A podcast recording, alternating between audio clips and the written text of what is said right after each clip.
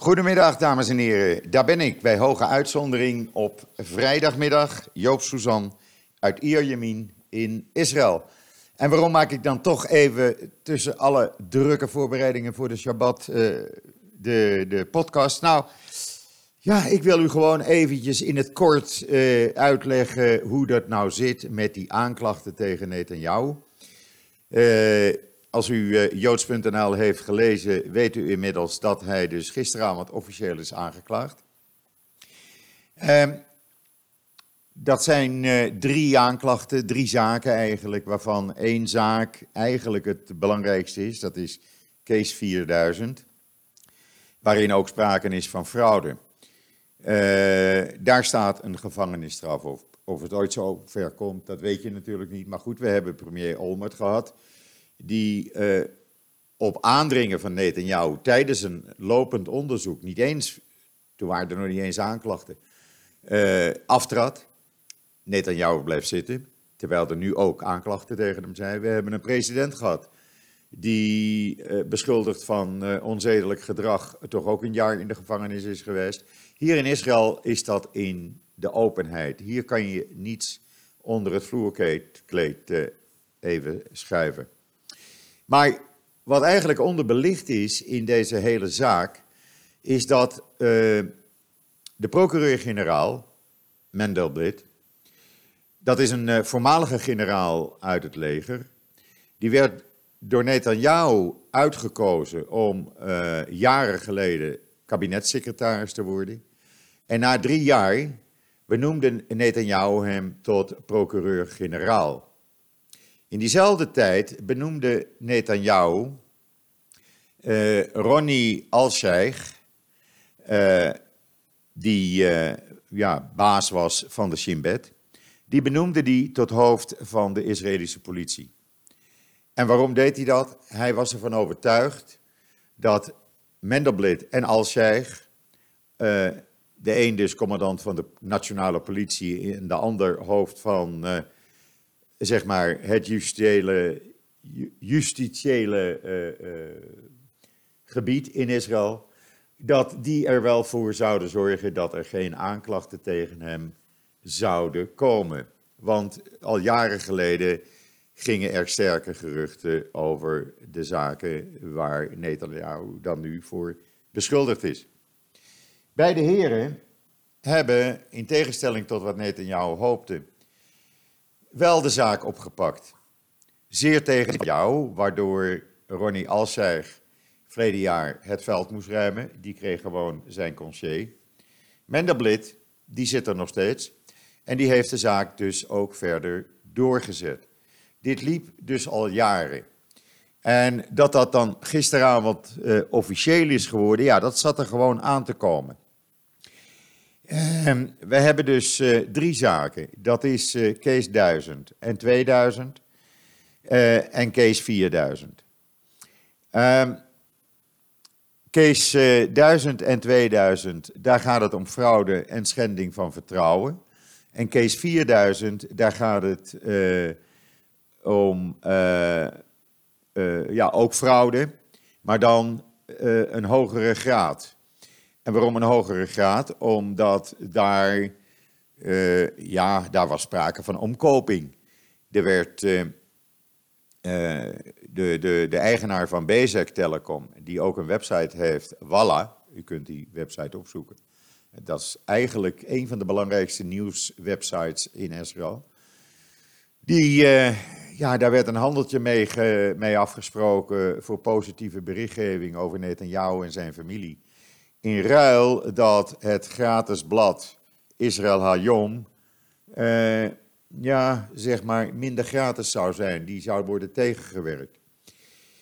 Uh, daarnaast zou uh, die eigenaar van Walla, maar die ook eigenaar was van Bezek, dat is de grootste telefoonmaatschappij in Israël, die zou wat voordelen krijgen, Bezek. En daar was een bedrag van ongeveer 1,8 miljoen miljard shekel, zo'n 500 miljoen euro mee gemoeid. Eh, tussen 2012 en 2017. Dat zijn ernstige zaken. Eh, Die andere zaak, case 2000, dat ging over een handeltje met de uitgever van Jediot Aganot. zeg, dat is vergelijkbaar met de Telegraaf in Nederland.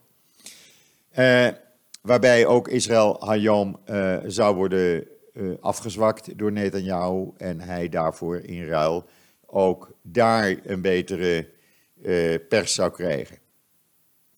En dan hebben we uh, case 1000. Ja, dat ging over miljardairs die allerlei gunsten aan Netanyahu moesten doen om met hem om te kunnen gaan. Een daarvan was uh, de Hollywood-producent Aaron Milchan uit Los Angeles. Die uh, moest dan uh, met kratten vol champagne en dozen voor de duurste sigaren meenemen. Dat werd gewoon besteld door Netanyahu en zijn vrouw of zijn assistenten. En dat liep op tot een bedrag van 700.000 shekel, zo'n 183.000 euro. Dan zult u vragen, ja, maar die heeft hij toch niet allemaal zelf opgedronken en gerookt? Nee, die gebruikte die weer om andere mensen om te kopen. Dus dat was een heel schema van omkoping, van vertrouwensbreuk, et cetera, et cetera.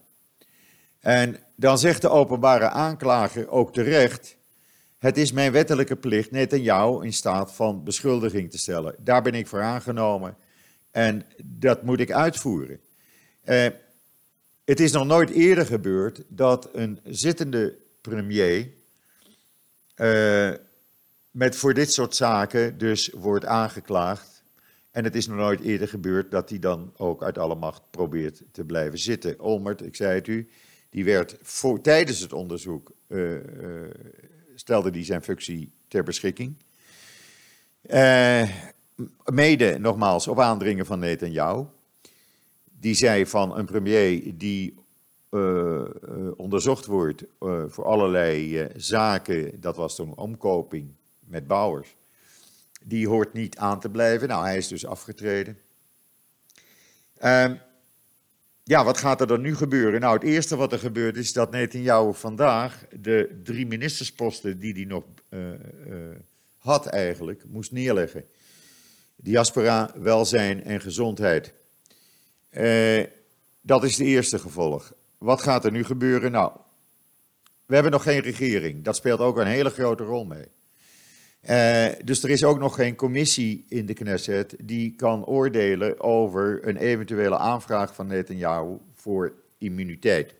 Nou zal hij dat niet zelf doen, maar een van zijn getrouwen heeft al gezegd, vandaag en gisteravond ook al, dat hij een wet gaat indienen waarbij een zittende premier niet vervolgd kan worden.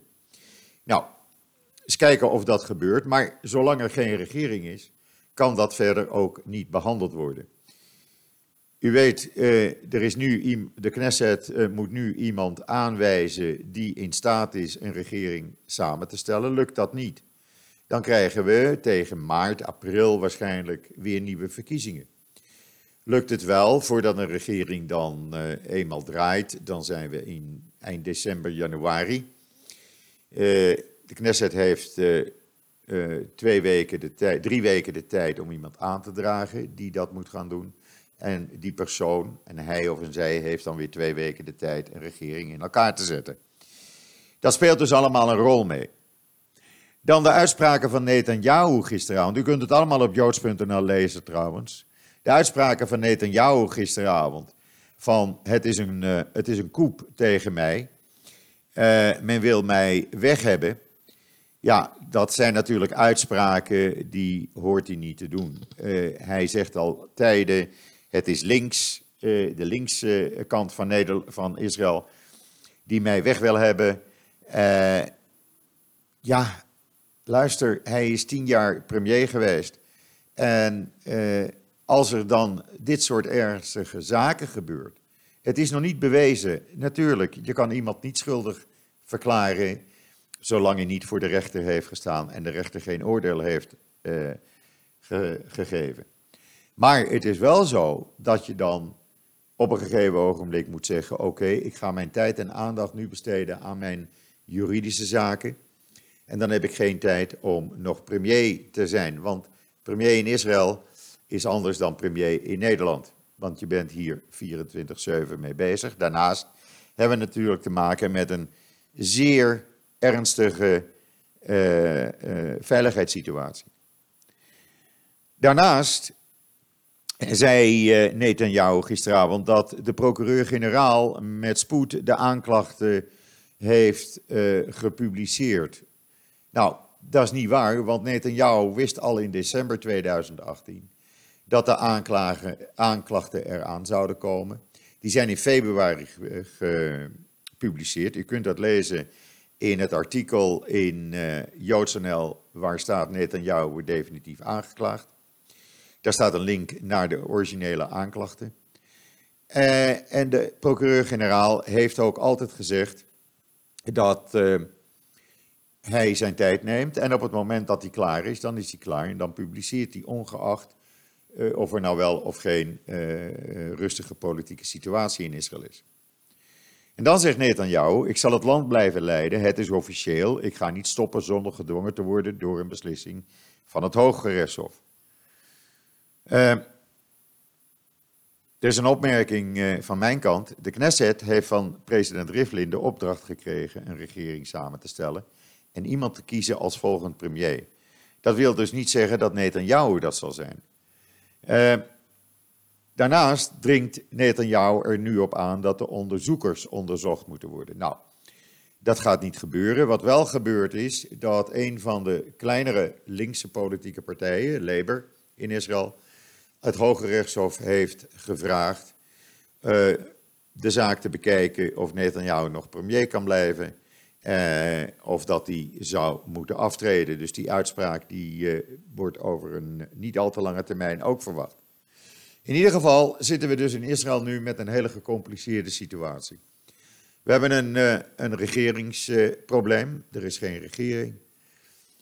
De uh, mogelijke derde verkiezingen die loemen aan de horizon.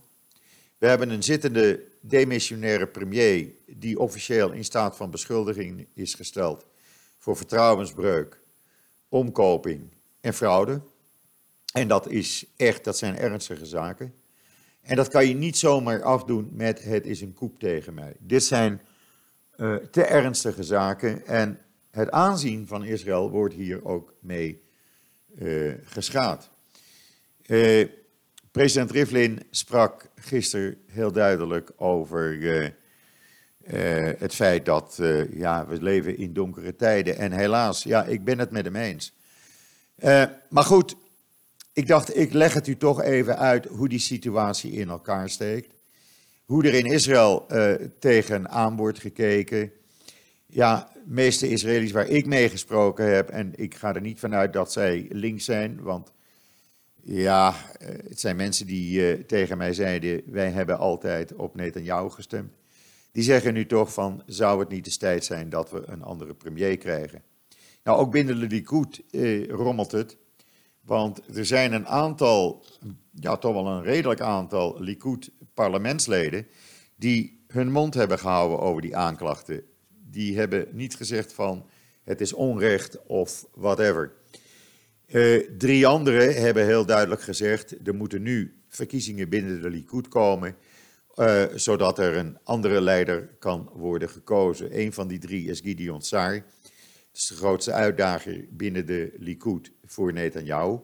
En het zou zomaar eens kunnen dat er een meerderheid nu binnen de Likud op staat die zegt: oké, wij gaan verkiezingen houden voor een nieuwe leider. En dat doen we in de komende twee, drie maanden. Uh, dus er speelt van alles en nog wat hier in Israël. Uh, we krijgen nu de Shabbat. Uh, het zal dan iets rustiger zijn, alhoewel morgenavond barst het nieuws allemaal weer los. Uh, vanavond op vrijdagavond natuurlijk op alle televisiezenders, hele discussies van uren. Maar goed, dat, uh, dat laat ik u allemaal na Shabbat weten. Morgenavond uh, zijn wij weer aan het stukje schrijven met een aantal mensen. lees vooral joods.nl, daar staat het laatste nieuws op. Er staat ook een nieuwe blog op trouwens van Rob Fransman over Centrum Amsterdam deze keer. Echt heel leuk. Rob gaat regelmatig nu schrijven. Dit is de tweede binnen een week al. Eh, zodat u wat te lezen heeft op joods.nl tijdens het weekend. Goed, dat nogmaals. Ik zei het gisteren al. Shabbat shalom vanuit Israël. En wat mij betreft, tot ziens, tot zondag.